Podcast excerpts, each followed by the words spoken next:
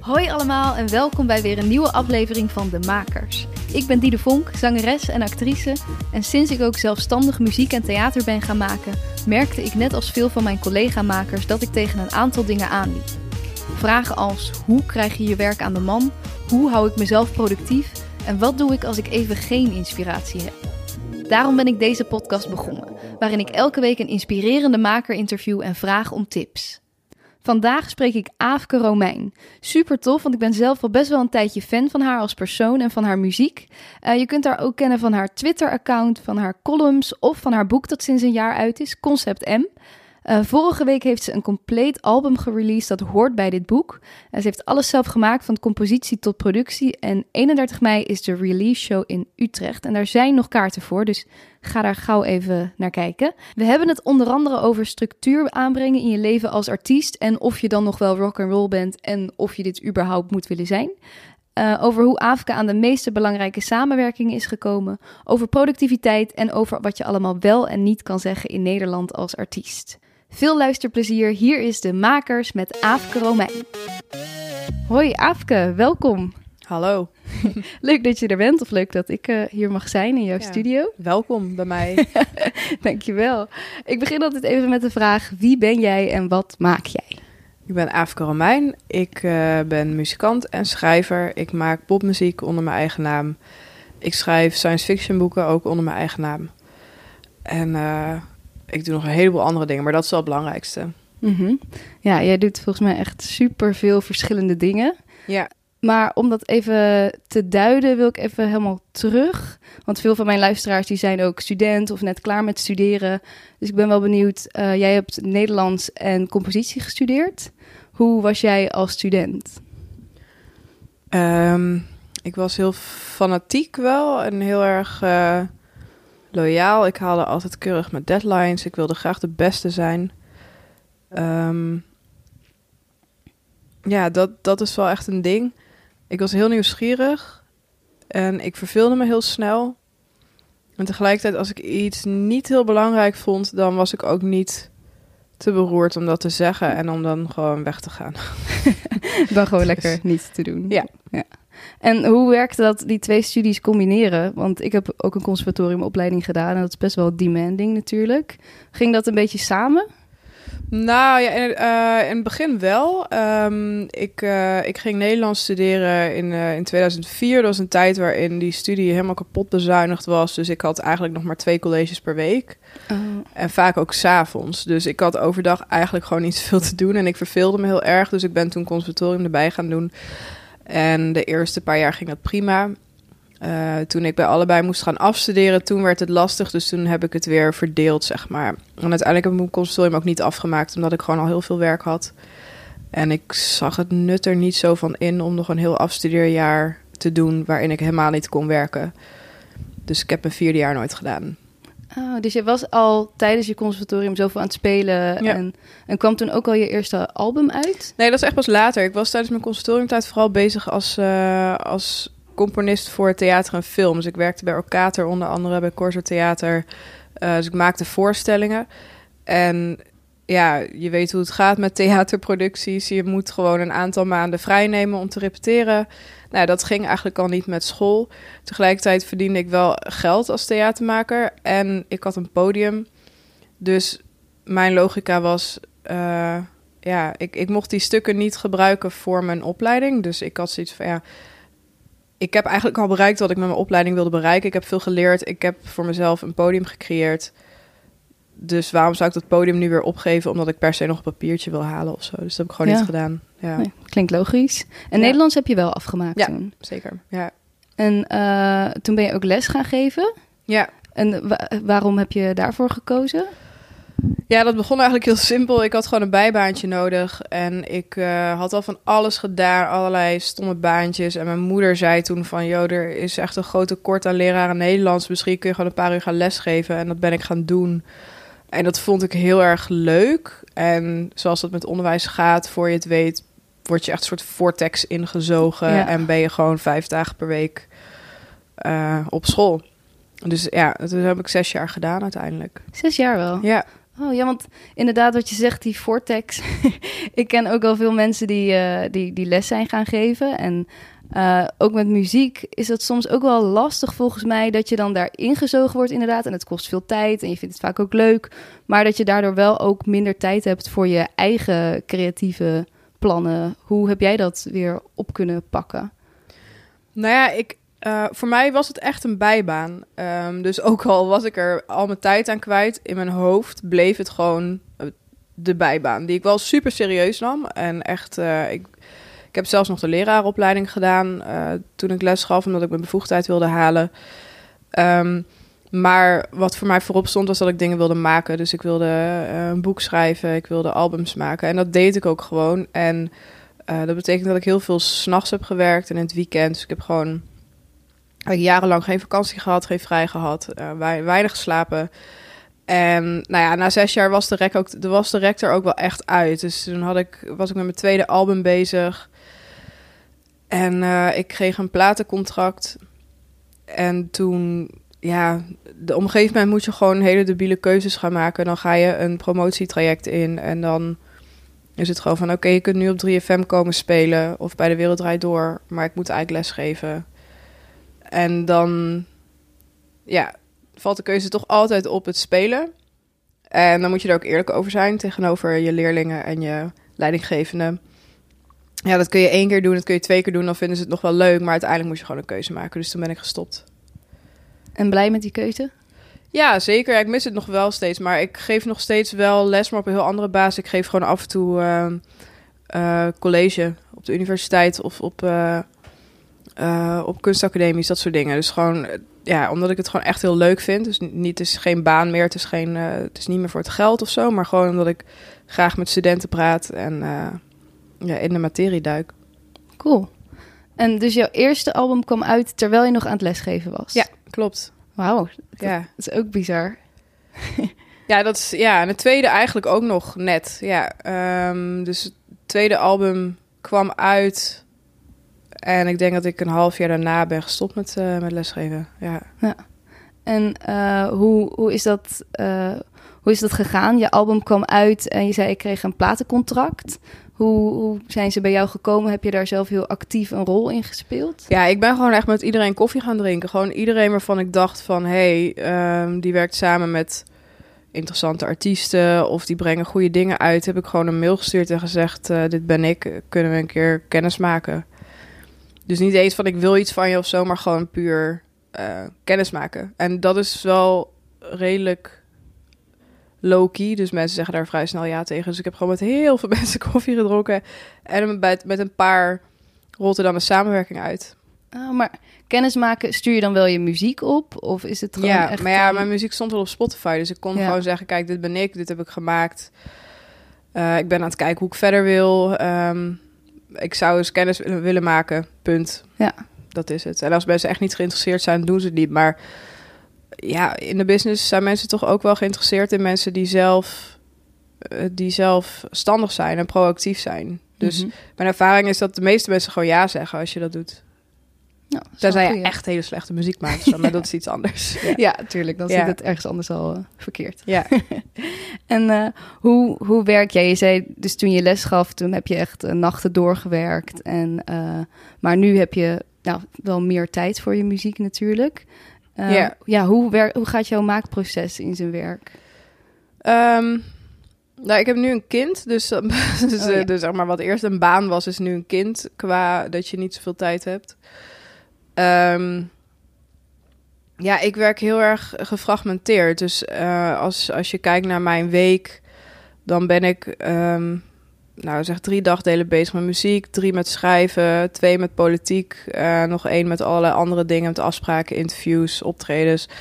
Dus um, ik werk sowieso heel gefragmenteerd. Uh, behalve als echt iets af moet of als ik net voor iets groots zit, zoals nu bijvoorbeeld dan heb ik gewoon een maand dat ik echt alleen maar focus op repeteren.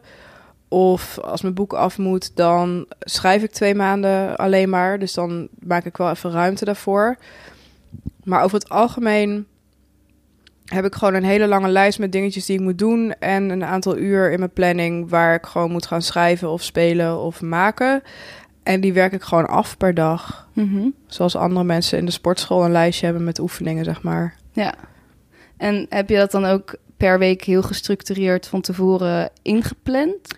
Ja, dat ligt eraan hoe druk ik ben. Uh, ik heb wel echt per week heb ik gewoon een to-do-lijst. Um, en die is, uh, ik doe dat, dat doe ik allemaal nog steeds op papier. En deels voor mijn management in Excel. En als het heel druk is, dan plan ik echt per half uur wat ik ga doen in, de in die week. Uh, en als het niet zo druk is en ik heb iets meer ruimte, dan laat ik het vrij. Dus dan kan ik per dag kijken van oké, okay, ik denk dat vandaag een goede dag is om dit en dit te doen. En dan, ja, maar ik zorg wel dan dat zeg maar het eind van de week dat het af is. Dat is wel de bedoeling. Ja. En uh, wat, wat doe jij als je, nou, je gaat zitten om te gaan schrijven bijvoorbeeld? Als het, als het niet lukt, hoe kom jij in een goede schrijfmodus?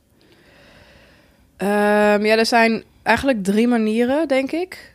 Um, de eerste manier is de fijnste manier, namelijk dat je kunt verder werken aan iets waar je al mee bezig was.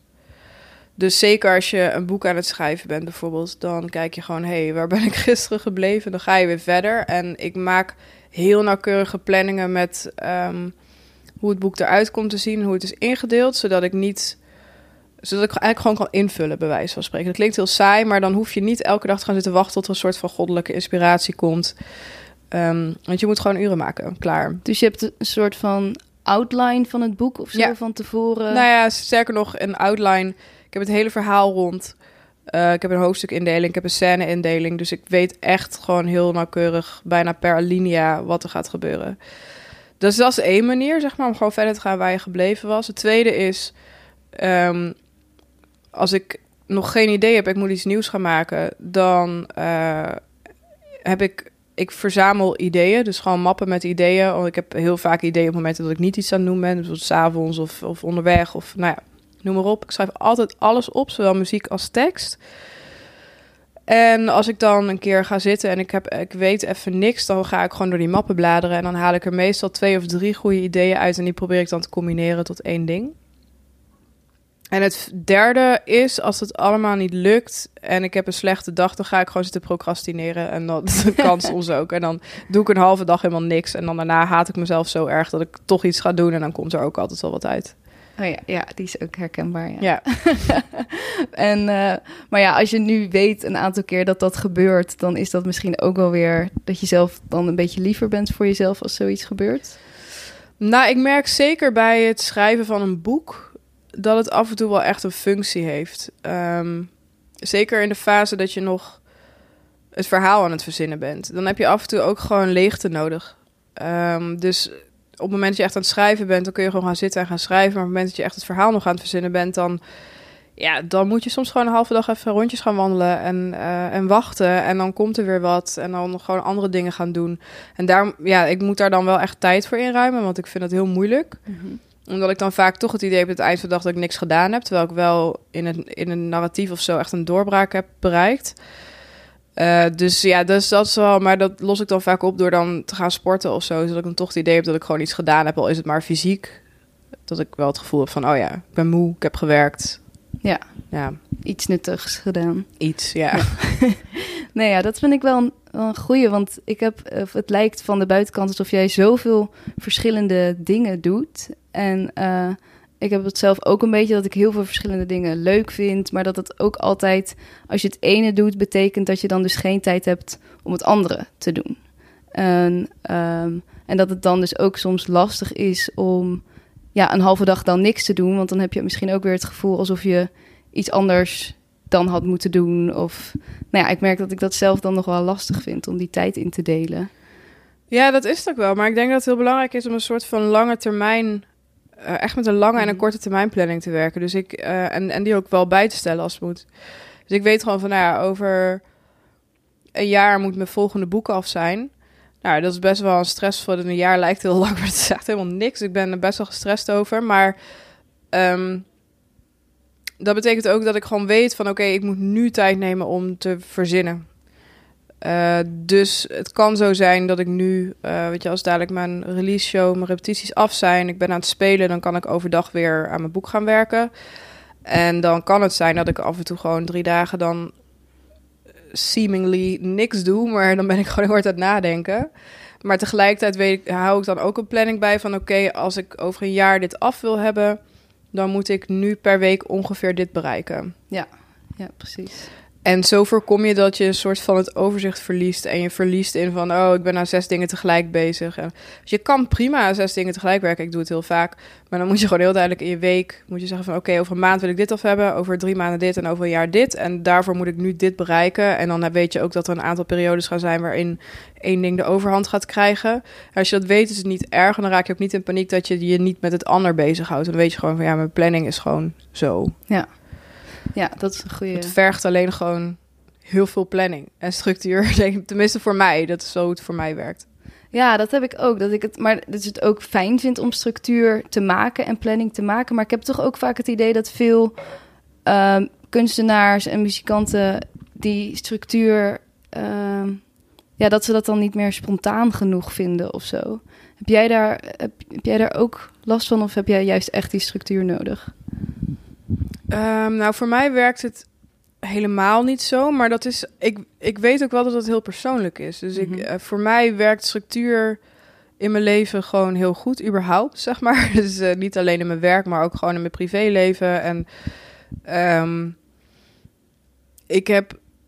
Ik heb gewoon uh, jaren geleden het idee opgegeven dat ik een soort van rock en roll zou zijn. Dat ben ik gewoon niet. Ik, mijn werk is hopelijk rock en roll en is spannend en avontuurlijk en al die dingen, maar mijn leven niet. En ik ben daar heel erg gelukkig mee. Dus ik ben een ontzettende huismus. Ik heb waanzinnige heimwee. Ik ga helemaal niet graag van huis.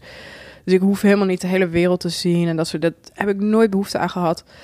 Um, maar ik wil wel echt alle gaten en krochten van mijn eigen hoofd en mijn verbeelding en ook het werk van anderen verkennen. Dus ik word veel gelukkiger van naar een goed museum gaan, een halve dag, dan van een reis naar Thailand of zo.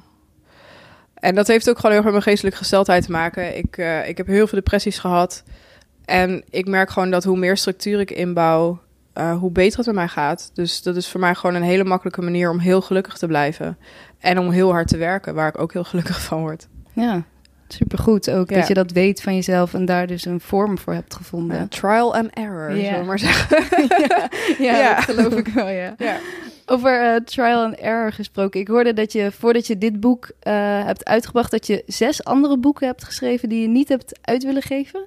Klopt dat? Nou ja, uh, ja, of die niet goed genoeg waren. Het is van twee kanten natuurlijk. Nee, ik schrijf echt al vanaf dat ik heel jong ben. Dat is een van mijn grootste dromen is altijd geweest om schrijver te worden. Um, en ik ben begonnen met mijn eerste boek in groep drie, weet je wel. Dus dat ik echt drie jaar lang een soort van enorm verhaal aan het schrijven was over een grote en een kleine grizzlybeer in een bos. Um, met echt de volle overtuiging dat, het, dat ik dat zou kunnen uitgeven. En vervolgens ga je dan naar je juffrouw of je meester toe, want je weet zelf nu hoe het werkt. En die zeggen van nou, misschien is dit nog niet goed genoeg om uit te geven. Dan zeggen ze dan iets aardiger. En zo heb ik ik wist dus gewoon heel lang van ja, wat ik nu schrijf is nog niet goed genoeg, maar ik wilde toch echt een product afleveren al. Om gewoon die oefening op te bouwen, zeg maar. Ehm, en ook omdat, nou ja, wanneer ik iets verzin, wordt het vrij snel heel groot. Dus het, de roman is voor mij ook gewoon een soort van heel logische vorm. Het was als kind al zo. Dus ik heb op de basisschool drie boeken geschreven, op de middelbare school twee boeken geschreven. En um, uh, nou, en uiteindelijk toen ik dus ging lesgeven, heb ik uh, daar ook een boek over geschreven. Dat laatste boek, dat was wel echt een boek wat uitgegeven zou gaan worden. Maar dat heb ik uiteindelijk... Uh, nou, heb ik zelf eigenlijk besloten dat ik het toch niet wilde uitgeven. Omdat ik het gewoon niet spannend genoeg vond, het boek. Het was voor mijzelf een heel belangrijk verhaal om te schrijven, omdat het over mezelf ging. Maar toen ik het helemaal af had en alle puntjes stonden op de i, toen bedacht ik me opeens van ja, het is voor mij een heel belangrijk boek en mensen gaan het vast lezen en waarderen, maar het is niet zo spannend. Het, is, het heeft niet zoveel verbeeldingskracht. Het is wel een sterk verhaal, maar het is heel klein en heel persoonlijk. En um, ja, ik, ik wilde gewoon heel graag debuteren met iets wat meteen heel anders zou zijn. Oh ja. En dat, nou ja, dat heeft uiteindelijk voor gezorgd dat ik, uh, dat ik dat boek op de plank heb laten liggen. En uiteindelijk Concept M heb geschreven. En wie bepaalt, of jij zegt, uh, ik, vond het toch niet spannend genoeg. Uh, is dat dan vooral vanuit jezelf of laat je het ook andere mensen lezen? Want soms denk je zelf misschien, oh, het is niet goed genoeg, maar vindt een ander dat wel? Nou, dit lag al echt bij een uitgever, bij een redacteur. En um, die zei uiteindelijk van uh, dat het goed, dit was prima verhaal, prima boek, goede stijl, bla bla. Maar hij zei uh, ik vind jou als persoon veel spannender dan het verhaal wat je geschreven hebt. En dat was voor mij wel een beetje de, de nekslag. Dat ik dacht van ja, ik voelde ergens aan mijn water ook wel de hele tijd van er, er mist nog iets in dit verhaal. Er mist een soort van element um, wat ik er nog in wilde brengen. ik kon het niet vinden en ik heb er lang aan gesleuteld. En uiteindelijk dacht ik, ik moet het gewoon helemaal loslaten, want ik wil echt iets totaal anders doen. Echt tegenovergestelde. Ik wil science fiction gaan schrijven waar dingen in gebeuren die niet kunnen. Waar ik wil gewoon, ik wil echt alle vrijheid opeisen in mijn werk, zeg maar. En dat had ik helemaal niet gedaan. Het was een heel klein, heel realistisch verhaal over mezelf. Dus het zeg maar, wat dat betreft zat er gewoon heel, uh, zeg maar, heel weinig grote verbeeldingskracht in het verhaal. En die wilde ik toch gebruiken, omdat ik er gewoon toen ik ging nadenken over, oké, wie zijn nou eigenlijk mijn grote voorbeelden? Welke boeken hebben de meeste indruk gemaakt? Waren het allemaal boeken die bij mij de vraag opriepen, hoe verzin je het? En hoe, hoe haal je het in je hoofd, weet je wel? Dus toen dacht ik, ja, als ik echt, als ik een debuutroman wil uitbrengen, dan moet dat hetzelfde gevoel oproepen. Of het nou lukt, weet je, of het nou dan uiteindelijk een goed boek wordt of niet, dat is dan een volgende. Maar ik vond het eigenlijk belangrijker om in ieder geval iets groots te maken, zeg maar. Het is ook wel super knap als het al bij een uitgever ligt en je hebt al, want dat is misschien ook waar veel schrijvers van dromen. Ja, zeker. Dan ben je daar al en dan om toch te zeggen, nou, nee, ik vind het zelf nog niet goed genoeg. Nee, dat is ook wel echt een proces geweest. waar ik echt wel een paar flinke, flinke inzinkingen van heb gehad. Dat ik echt dacht van, nou, nou ben ik er eindelijk. En ik, ik, nou, ik was al 26. Dus ik vond mezelf al rijkelijk laat om te debuteren. Omdat ik eigenlijk als kind al had ik zoiets van ik moet voor mijn tiende gedebuteerd zijn. Nou, dat lukte natuurlijk niet. dus ik had steeds van die deadlines en ik was 26. Ik was zoiets van nou, mijn boek is af. En, maar ja, ik weet niet. Ik, um, ik weet niet, op van dat soort hele grote momenten of zo bij grote beslissingen in je leven, wanneer je iets moet loslaten, dan lijkt het soms al wel alsof iemand anders, alsof, alsof je hoofd, zeg maar, dat het besluit al genomen heeft. En je moet je er alleen bij neerleggen. En dat je erbij neerleggen is, is vaak het moeilijkste. Ja, ja mooi. Ja. En je hebt het over uh, andere voorbeelden van uh, boeken of schrijvers die uh, nou, veel indruk op jou hebben gemaakt. ja, wat zijn voorbeelden voor jou? Nou ja, ik heb in die periode dat ik mijn boek, mijn vorige boek weglegde, zeg maar, heb ik heel veel nagedacht over waar ik als kind waar ik wat als kind indruk op mij maakte. En dat was in eerste instantie vooral Roald Dahl. Um, omdat in zijn verhalen altijd dingen gebeurden waar je, waarvan ik dacht van... waar haal je het vandaan? Hoe verzin je het? Het kan niet en toch komt het realistisch over. Uh, hij gunde zichzelf zoveel vrijheid in zijn denken. Um, ja, dat, dat het... Dus ik had het idee dat zijn hoofd één groot avontuur was. En um, mijn ex-vriend, die uh, komt uit Engeland. En zijn tante was een goede vriendin van Roald Dahl. En hij wist mij ook te vertellen dat Roald Dahl zijn privéleven eigenlijk heel saai was. Hij had een heel sterk, strak werkregime. Hij reisde weinig. Hij, um, hij, zat, hij zat bijna altijd in zijn tuinhuisje te schrijven. Hij was ook niet per se een heel aardige man, schijnt. Hij was echt... Uh, hij was best vervelend, schijnbaar. Maar dat sterkte mij heel erg in mijn idee van... volgens mij moet ik helemaal mijn avontuur niet zoeken in mijn privéleven... of in reizen of in al dat soort dingen. Ik moet gewoon dat avontuur allemaal in mijn werk stoppen. En um, dus ja, dus die zin is Roldaal daar wel heel belangrijk voor geweest.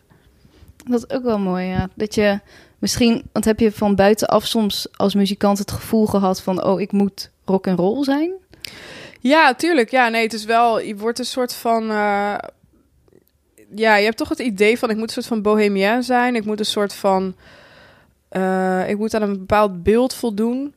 En um, nou ja, dat beeld dat omarmde ik ook wel. Ik wilde ook wel een beetje buiten de maatschappij staan en me niet aan de regels houden en, en spannend zijn. En ehm, eh, dus ik, ja, ik had ook wel het idee dat ik, daar, dat ik dat zelf ook wilde, zeg maar. Alleen ik werd er helemaal niet gelukkig van. Dus dat was een soort van gekke strijd die ik jarenlang gevoerd heb met mezelf. Van oké, wat waar word ik nou eigenlijk blij van? En het was voor mij ook een soort acceptatieproces dat ik eigenlijk heel blij word van saaiheid uh, in mijn omgeving.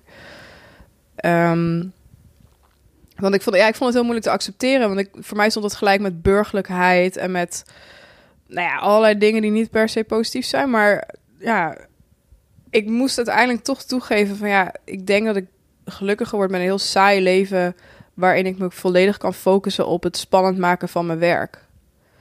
Dat is echt, ja, dat is veel leuker dan andersom.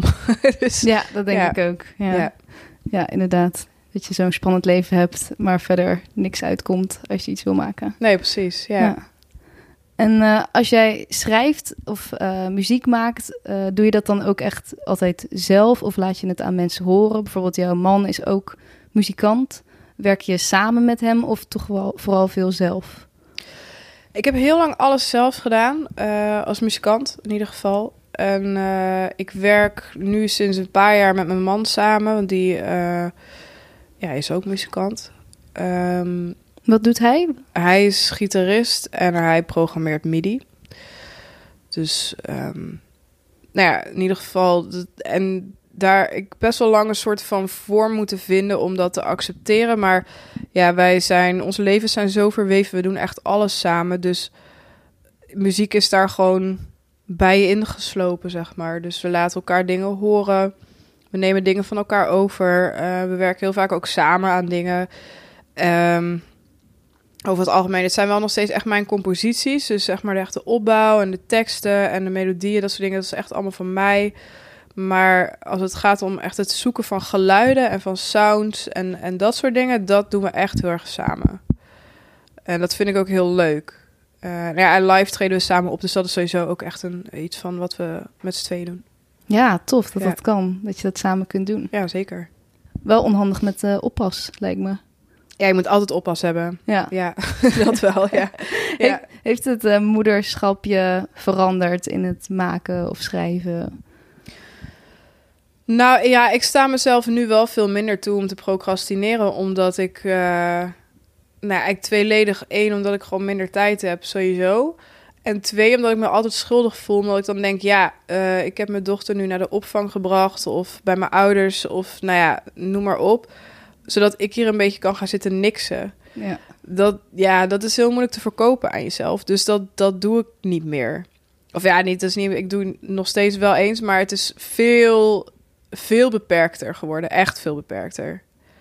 Ik procrastineer nu een half uur in plaats van een week. Het is echt in die orde van grootte, zeg maar. Dat, is wel echt een groot verschil, ja, ja. Dus je bent misschien dan ook wel productiever geworden? Ik ben veel productiever geworden, ja. En veel uh, efficiënter en veel, vooral veel doelgerichter. Dus ik heb gewoon heel veel dingen afgestoten, zoals lesgeven.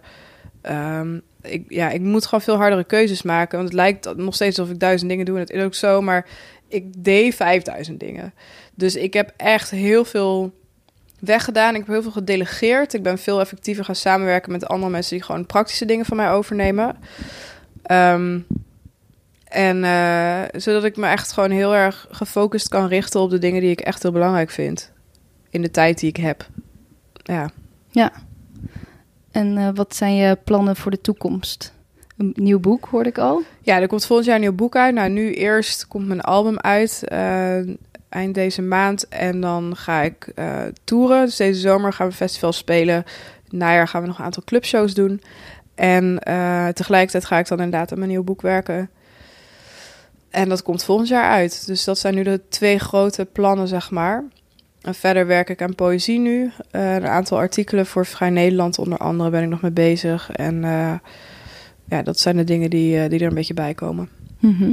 En jij zit ook volgens mij in organisatie van BAM voor. Uh, ja, hoe, hoe zit dat precies? Dat is de beroepsvereniging voor auteur-muzikanten. Dus dat is een, eigenlijk een belangenvereniging um, voor uh, uh, muzikanten die zelf hun eigen muziek schrijven en op het podium staan.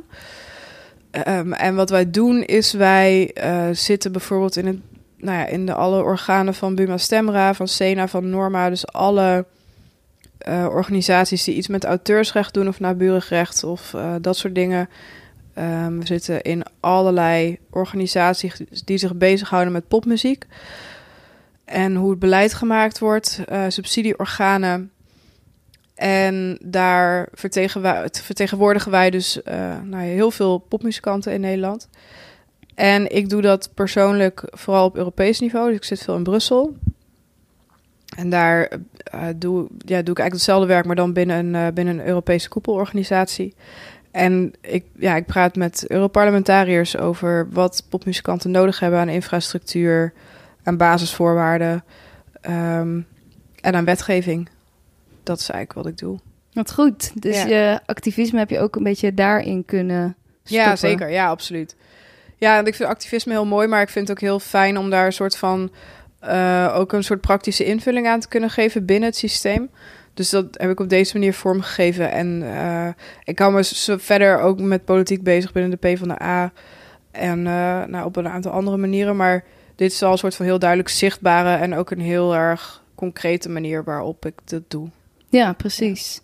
Ja, want dat, dat, dat is natuurlijk ook soms een lastig ding dat je volgens mij veel meningen hebt en heel veel dingen ja, bezig bent met politiek. En maar uh, ja, heb je daar dan de tijd voor als je ook nog aan het schrijven bent en muziek aan het maken bent, om, uh, ja, om daar dus je actief nog voor in te zetten? Um, ja, dat, dat, wisselt heel erg. Um, ik, ik heb wel eens dat ik mezelf daar een beetje in verlies. Ik heb bijvoorbeeld uh, afgelopen half jaar heb ik me heel druk bezig gehouden met CBR. Dus dat ging over rijbewijzen. En oh, ja. uh, dat mensen met psychische problemen heel veel moeite hebben om een rijbewijs te krijgen. Um, nou, dat werd heel snel zo groot dat het echt me een beetje boven het hoofd groeide. En dat ik er echt soort fulltime mee bezig was, terwijl ik eigenlijk gewoon andere dingen moest doen. Dus ik moet wel altijd heel proberen om daar een soort rem op te houden. Omdat ik, um, ja, als ik zou willen, zou ik gewoon fulltime activist kunnen zijn, bij wijze van spreken. Maar dat, ja. Uh, dus dan moet ik dan weer richting andere mensen doorschuiven. En, um, uh, maar politiek is ook zo verweven met wat ik maak, dat het in principe wel heel goed tegelijk gaat. Dus mijn politieke woede of verontwaardigingen of nieuwsgierigheid, die kan ik eigenlijk altijd heel direct vertalen in wat ik aan het maken ben. Dus, dat, dus in die zin zit het elkaar ook niet zo in de weg. Ja. Behalve wanneer het echt praktisch wordt. Dus wanneer ik ergens heen moet. Of, ja. Precies, dat het gewoon letterlijk veel tijd van je of kost. zes en... kranten me opeens willen spreken of zo. dat, dat soort dingen. Dan is, dan is het opeens wel, dan zit het wel aan de weg. Ja. ja. En uh, je zei altijd net over uh, proactief zijn als muzikant. Denk je dat ondernemen een beetje in jou zit? Um, ja, dat vraag ik mezelf ook heel vaak af. Want ik weet het eigenlijk niet. Ik kan me nou niet herinneren dat ik um, als kind ook maar enige interesse had in ondernemen. Maar ik was wel altijd bezig met ik had altijd duizend ideeën om dingen te maken. En ik had ook altijd wel een soort van neus voor dingen die interessant waren of waar mensen op zaten te wachten of zo. En ik denk dat dat wel een soort goed beginpunt is voor ondernemerschap. Maar verder heb ik het volgens mij wel echt moeten leren. Want zoals die structuur of zo, ik was als kind echt een totale chaot. En ik heb echt moeten leren, omdat ik gewoon mijn eigen chaos zo haatte, echt zo intens haatte, dat ik die gewoon echt eruit geramd heb bij mezelf. Um, en ik denk dat ik daarom ook zo extreem gestructureerd ben nu. Dus ik, dat is niet iets wat van nature in mij zit, zeg maar. Dus dat is wel het enige wat wel van nature in mij zit, is, is, is een bepaalde mate van discipline. Ik ben altijd wel heel gedisciplineerd geweest en ik heb weinig moeite om mezelf dingen op te leggen. Maar de rest, ja, ook heel veel met vallen en opstaan. Maar ik ben wel geïnteresseerd. Ik zie er wel de lol van in en dat is denk ik ook wel heel belangrijk. Ja, dat is ook een goede. En wat vind je minder leuk aan dat proces? Nou ja, waar, waar je denk ik zeker in Nederland vaak tegenaan loopt, is dat Nederland gewoon heel klein is. Dus op het moment dat je met, een beetje uh, ruzie met iemand maakt, heb je daar altijd meteen ook heel veel nadeel van. Het is heel moeilijk om in Nederland je mond open te trekken um, wanneer je cultureel ondernemer bent of ondernemer überhaupt. Omdat het gewoon een heel klein land is. Dus als je ruzie krijgt met één belangrijk persoon, dan kan het zijn dat je nooit meer op tv komt, bij wijze van spreken. Dat is gewoon echt, ja, dat is, vind ik soms wel echt heel lastig. Omdat ik niet op mijn mondje gevallen ben. Dus dat heb ik wel. Ik heb echt moeten leren om veel strategischer te zijn in mijn, in mijn ehm, communicatie. En wanneer ik wel en niet mijn mening geef. Terwijl dat eigenlijk tegen mijn principes ingaat. Maar dat kan gewoon niet anders, omdat je anders constant in je eigen voet schiet. Hmm. Oh, dat is wel interessant, ja. Dat Nederland zo klein is dat je daar dus toch. Want ik heb het idee dat bijvoorbeeld bij jou dat je altijd gewoon echt zegt wat je vindt. Nee, totaal niet. het is heel goed dat het zo lijkt, maar het is echt niet zo. Nee, ik heb echt hele strakke regels voor waar ik wel en geen commentaar op geef. Oh. Ik praat nooit over collega's. Nee. Nooit. Eh, ik zal uh, nou, ik, ik, bedoel, ik praat wel over politiek. Dat is gewoon echt een principiële keuze, omdat ik een politiek dier ben. En uh, ik vind ook dat je daarvoor uit mag komen. Maar um, ja, de, ik heb echt wel heel veel dingen waarvan ik denk, hier ga ik me niet in mengen. Want het is niet in mijn voordeel. Ook al vind ik er echt iets van. En dat gebeurt vijf keer per dag, bij wijze van spreken. Echt? Ja, dus het lijkt alsof ik overal mijn mening over geef. Maar in de praktijk is het wel echt vrij goed uitgekiend. En Mhm. denk er wel, is er echt over nagedacht waar ik wel en niet op inga. Hm. En dat moet ook. Ja, weet je, het moet gewoon. Als ik dat niet zou doen, dan zou ik echt gewoon, ja, weet ik niet. Dan zou, dan zou ik denk ik echt wel de Emiel Ratelband van de muziekwereld zijn of zo. Dat moet je ook niet willen, denk ik, uiteindelijk. Nee. Eh, goed advies, denk ik. En heb je nog een ander goed advies voor eh, mensen die nu of willen schrijven of de muziek in willen? eh, Nou ja, ik denk twee dingen. Ik denk het eerste is gewoon echt meters maken. Ik, ehm, eh, dat, en zeker als je veel verschillende dingen doet, is dat heel moeilijk, omdat je gewoon verschillende vaardigheden moet onderhouden. Dus eh, ik moet elke dag iets schrijven. Ik moet even piano spelen. Ik moet iets met muziek doen. Ik moet die dingen gewoon op peil houden, zeg maar, allemaal. En ik denk dat dat echt het belangrijkste is. Dus gewoon wees niet lui, weet je wel. Werk iedere dag, gewoon echt iedere dag. En het tweede is... eh, benader altijd mensen die je interessant vindt. Ook al zijn ze heel erg belangrijk of lijken ze onbereikbaar. Stuur gewoon een mail. En er zijn er altijd die antwoorden... en waar je dan een werkrelatie mee kan opbouwen. En dat is echt te gek. De meeste, de meeste werkrelaties die ik heb met mensen waar, het, waar ik echt goed mee kan samenwerken, zijn allemaal ontstaan omdat ik ze gewoon een mailtje gestuurd heb. Ik heb gezegd hallo. En dat was het. dus ja, ja, dus mailen en gewoon werken. ja werken en mailen. Ja. Ja. Investeer in je netwerk en investeer in je vaardigheden. Mooi. Eh, is er nog iets wat ik had moeten vragen? Wil je nog iets kwijt? Nou ja, als mensen het leuk vinden, mijn nieuwe album. Ik weet niet wanneer de podcast uitkomt. Ja, maar... voor de release show nog. Oké, nou ja, dan in dat geval is mijn album waarschijnlijk staat het al op Spotify. Het heet M. En de release show van mijn album is op 31 mei in de Echo in Utrecht. En ik sta deze zomer op een flink aantal festivals, dus ik ben overal eh, te zien en te horen. Superleuk, dankjewel. Graag gedaan. Dat was Afrika Romein. Ik hoop dat jullie het tof vonden en er wat aan hadden. Ik vond zelf die twee tips op het einde in ieder geval supergoed. Hard werken aan je vaardigheden hoog houden. Afrika zorgt dat ze echt elke dag wat schrijft, wat piano speelt, wat zingt en zorgt zo dat haar vaardigheden tip-top blijven. Zelf merk ik wel eens dat je soms een dag of zelfs een week zo druk bezig bent met andere dingen die ook heel belangrijk lijken, waardoor dit er een beetje bij inschiet. Ook het gewoon mensen mailen en koffies drinken is denk ik een hele goeie. Als je er niet gelijk ingaat met ik wil iets van jou, dan geef je het ook een kans om zo organisch iets te laten ontstaan. Die ander is misschien ook op zoek naar iemand als jij, dus gewoon lekker mensen mailen. In het weggaan, toen de mics al uitstonden, vertelde ze nog dat iets als zorgen dat mensen komen kijken naar je shows een van de lastigste dingen is. Dit is iets wat je als artiest best wel vaak zelf moet doen en het is heel afhankelijk van de venue of zij ook een beetje promotie maken. Haar tip was: Zeker als je nog maar net begint, boek misschien eerst iets kleinere zalen en iets minder veel en zorg dat deze uitverkopen. Bouw het langzaam op. We hebben het eigenlijk in dit gesprek niet heel concreet gehad over haar nieuwe album, maar het is dus echt heel mooi geworden. Dus ga dat sowieso even beluisteren en als je het wat vindt, kun je dus nog op 31 mei naar de release show in Utrecht. Vond je dit een leuk gesprek? Abonneer je dan op de podcast en volg de Makers Podcast op Facebook en Instagram. Delen en reviewen is heel erg fijn en laat het me vooral weten als je nog gasten of vragen hebt die je graag wilt horen. Volgende week staat er weer een hele bijzondere, inspirerende gast voor je klaar. Deze podcast werd gemaakt door mij, Die de Vonk, en de muziek is van David Zwarts. Tot volgende week bij De Makers.